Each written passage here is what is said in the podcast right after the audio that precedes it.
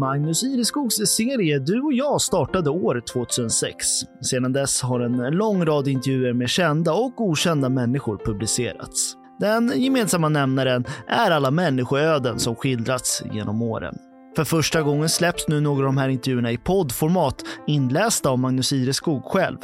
Den här intervjun gjordes juli 2021 och handlar om Lars Wedenborn som överlevde flygkraschen i Gottröra.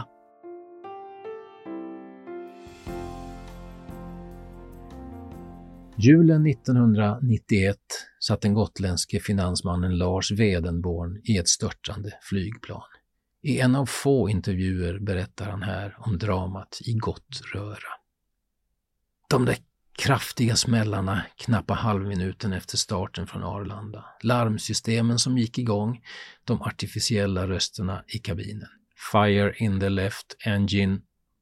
Fire in the right engine. Han kan höra dem ända hit drygt 30 år senare. Alla ljud, gråten, skriken, lukterna, synen från tredje raden där han satt.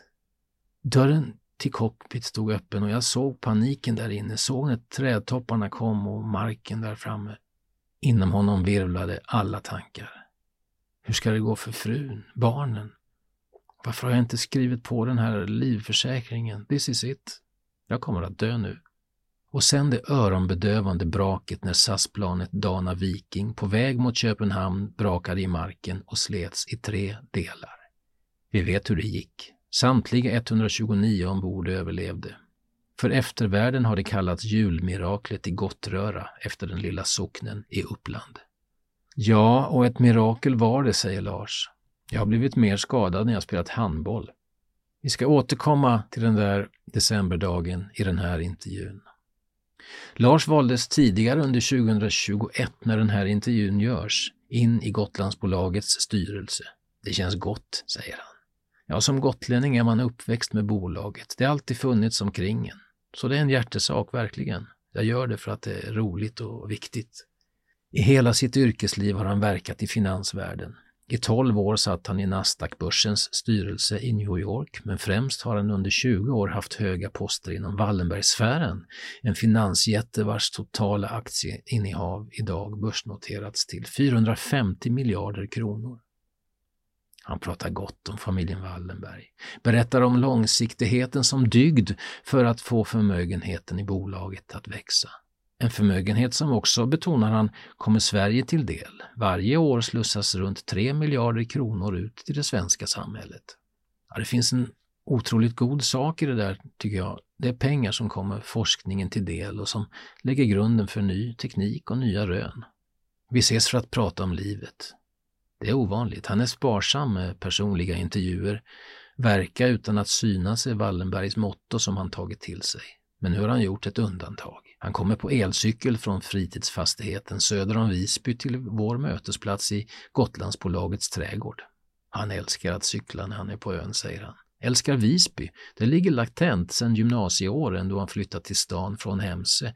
Så mycket från den tiden når honom i känslan ända hit. Lars Wedenborn föddes och växte upp i Hemse. Föräldrarna var tjänstemän. Istället för att tvingas slita på en gård som så många kompisar gjorde, la han sin mesta fritid på idrotten. Han provade allt. Fotboll, tennis, handboll, hockey och är fylld av minnen, inte minst från legendaren Berra Grens bravader. Kopplingen till gamla kompisar är fortsatt stark. Christer Allard har hängt med sedan tonåringen i Hemse och med Ulf Wallin från gymnasietiden är kontakt varje vecka. Allt som händer avhandlas. Tjena, säger vi och avslutar med Hej på det! Gotländskan är viktig, skrattar han. Nåväl, vi skissar här med några snabba pennstreck samhällslinjen på Säve, polare och partaj, men intresset för att läsa böcker tändes trots allt, så Lars sökte sig till ekonomistudier i Uppsala, där han tog examen 81 efter att helt ha slukats av ämnet. Men vad skulle han ägna sig åt? Några direkta mål hade han aldrig haft. Han fick jobb som revisor men trivdes inte. Granska andras räkenskaper. Nej, han ville ligga i framkant. Ta aldrig tidigare tagna steg. Tänka nya tankar. Men i början måste man få känna sig fram, eller hur? Jo, det är sant och faktum är att jag gör det än. Vem kunde för fem år sedan tro att jag skulle sitta som styrelseordförande i AMF Pension och verka för 4,5 miljoner LO-arbetare? Livet är fullt av tillfälligheter. Ibland måste man våga hoppa på det som dyker upp längs vägen. Okej, okay, du visste inte vad du ville, men om vi ser det från andra hållet, hur blev det med allt? Jättebra. Hade inte velat ha det på något annat sätt, säger han och berättar om Agneta från Gävle, nyutbildad socionom med sommartjänst på Visby lasarett och hur han själv det året 1981 bestämt sig för en sista sommar på Gotland innan han trädde in i framtiden. Så jag fick jobb på lasarettet, satt och räknade löner och Agneta var min chef. På den vägen är det. Lite mer detaljer tack. Alltså, ja, på lasarettet hade de en korpserie i fotboll den sommaren. Gyllene bäckenet-cupen. Hon vann skytteligan och jag passade till de flesta mål. Det spelade också in att det blev vi. Idag bor de i Djursholm, har tre söner och när den här intervjun görs är Gotlandshuset fullt av familj. Nio personer inalles. Lars står om kvällarna vid grillen, på nåder. Ofta har han för bråttom, otålig är hans mellannamn. Han lägger kotletterna på gallret alldeles för tidigt, men bränt lyckas det bli ändå. En rätt vanlig, om än alltså otålig man, om man får säga det själv. Och det får han ju. Vi ska ta oss till paniken i den där kabinen när SAS-planet störtade mot marken, men först ännu en sväng in i finansbranschen. Jag frågar vad som fascinerar honom och han lyser när han berättar. Passionen syns i ögonen, hörs i orden. Man måste ha koll på politiken och på samhället i stort. Man befinner sig mitt i ett skeende. Det är en så otålig bransch som bygger på att vara uppdaterad och göra långsiktiga affärer. Det finns en alldeles särskild puls där som tilltalar mig så mycket. Stimulerande också, menar han, att leda ett lag mot ett gemensamt mål. Så gjordes redan under gymnasietiden då Lars och kompisen Ulf Pettersson var unga coacher för Hemse BKs damlag i handboll. Det lärde honom mycket om ledarskap. Idag ägnar han hälften av sin tid åt Wallenbergsfären, primärt i styrelser kopplade dit. Andra halvan gör han nya roliga saker, som han uttrycker det, och nämner AMF och Gotlandsbolaget. I Gotlandsbolaget hittar han paralleller till Wallenberg med långsiktighet och stark familjetradition. Dessutom verkar han i ett nyligen börsnoterat bolag, TBD30, vars idé är att hämta in pengar som ska satsas på familjeföretag som idag inte finns på börsen och att sedan ta dem dit. Så nu har vi tagit in 880 miljoner och börjar därifrån. Det är obegripligt stora siffror han rör sig med. Miljoner är småpengar, minst de 450 Wallenberg-miljarderna. Han medger att det ibland är svårt att ha relation till dessa tal. Särskilt svårt att hoppa mellan bolagen, säger han. Ena dagen omsättning på 100 miljarder, nästa dag 20 miljoner. Men det handlar egentligen aldrig om absoluta tal. Mera relationen till andra summor. Reflekterar du ibland över att du faktiskt bollar med miljarder i finanstoppen? Nej. Inte? Nej. Jag kör på. Jag är en helt vanlig grabb från landet som försöker vara ödmjuk till livet och de framgångar jag haft. Jag tar de chanser som dyker upp, som vi sa nyss, och det passar mig perfekt. Jag är lyckligt lottad att ha fått jobba med Wallenberg och husera 35 år i finansbranschen. 1991 var Lars styrelseordförande i Alfred Berg, ett bolag specialiserat på nordisk kapitalförvaltning. Det drog mot nyår och några skattetekniska detaljer var tvungna att fixas före årsskiftet, så därför satte han sig på det där flygplanet morgonen den 27 december för ett möte i Köpenhamn. Klockan 08.48 lyfte SAS flight 751 mot Kastrup för vidare färd mot Warszawa. Ombord fanns 123 passagerare och sex i besättningen. Lars satt långt fram, rad 3, business class. En rutinerad flygplansresenär som under flera år gjort två, tre flygresor i veckan. Alltid på väg. London, New York, Moskva, Köpenhamn, Oslo. Där hemma fanns Agneta och vid tiden två små barn, ännu omfamnade av julhelgen. Lars var 33 år, i tanken gick han igenom förestående styrelsemöte. Men det blev inget möte. För det var ju den där plötsliga smällen någon halv minut efter take-off. Och sedan en till. Det skulle efteråt visa sig att en isbeläggning på ovansidan av vingarna lossnat och kraschat in i motorerna som slutade fungera, vilket tvingade piloten att försöka nödlanda på en åker mellan träden. Det kom sedan att beskrivas just som julmiraklet i Gottröra, då samtliga personer ombord klarade livet. Men nu satt alltså Lars i sin flygstol och insåg att det brann i båda motorerna. Om han såg lågorna? Nej, han minns inte, men datorrösterna var tydliga. Fire i höger och vänster motor. Han berättade vi sitter i trädgården om rädslan för en explosion och om paniken i cockpit, hur han förstod att han var på väg ner och hur han sedan såg och kände trädtopparna och det snöpudrade fältet, paniken, tankarna, skräcken. Jag förstod att this is it. Så här slutar det. Nu dör jag. Han har inte tänkt på olyckan på många år, pratar sällan om den, det är förfluten tid.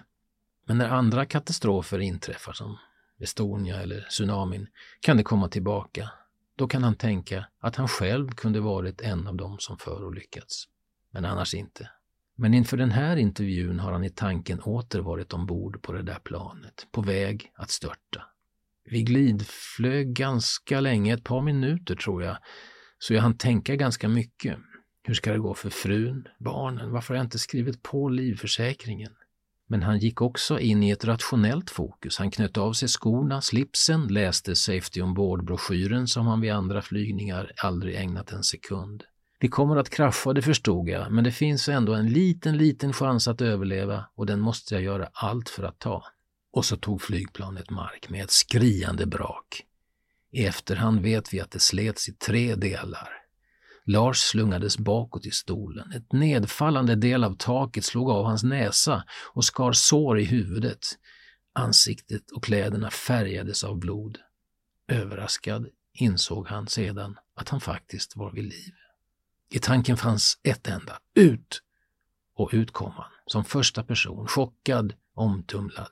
Han täppte till skärsåren med snö och hjälpte sedan tillsammans med en annan passagerare som visade sig vara sjuksköterska till yrket att trösta och krama andra resenärer. Snö, lera, blod, gråt, skrik, men också mitt i tumultet en öronbedövande tystnad där på Upplandsslätten. När adrenalinet släppt kom smärtorna, ryggen, ondare och ondare. Till slut gick det inte att röra sig. Framför sig såg han ett liv i rullstol. Det visade sig, sedan han förts till Karolinska sjukhuset, bara vara en kotkompression. Det vill säga två ryggkotor hade pressats samman, vilket kom att läka med tiden. Första kontakten med familjen, Lars, hur var den? Agneta hade hört om olyckan på Radio Stockholm där det påstods att ingen överlevt. Chock för henne såklart. Men efter ett par timmar fick jag låna telefonen av en brandman och ringa hem och otroligt känslosamt samtal. Hemkommen från sjukhuset tillbringade Lars tiden i telefon. Samtal på samtal till vänner och bekanta. Gång på gång samma berättelse. Det var rena terapin, vilket fick hela händelsen att krympa. Han fick också med SAS hjälp möjlighet att återvända till det störtade planet, sitta i sin stol, reflektera. Även det gjorde gott för den mentala läkningen. Olyckan har inte påverkat honom i den meningen att han har blivit flygrädd. I 30 år sedan dess har han flugit till finansvärldens alla styrelserumshörn. Däremot har det givit honom en större ödmjukhet inför livet. Jag insåg hur bräckligt det är. Det gäller att leva här och nu. Vill du resa någonstans, så res. Vill du träffa de där vännerna, ja men gör det nu då, på lördag, inte till hösten. Är det så enkelt? Jag tycker det. Vänta inte, gräla inte om småsaker. Agneta och jag grälar aldrig, det är inte värt det. Och strax efter kraschen minns jag att jag tänkte, jag har överlevt Gottröra. Folk får skälla på mig om de vill, jag bryr mig inte. En person av de 129 ombord blev rullstolsburen efter olyckan. Hon satt på raden bakom Lars och stod som nummer ett på listan över skadade, det vill säga den passagerare som råkat mest illa ut. På samma lista stod Lars som nummer fyra. Förstår du? Nummer fyra. Och en bruten näsa efter att ha störtat med ett flygplan. Det är ju ingenting. Ja, gillar du också Magnus Ireskogs intervjuserie Du och jag så finner du fler avsnitt på helagotland.se under poddar och program.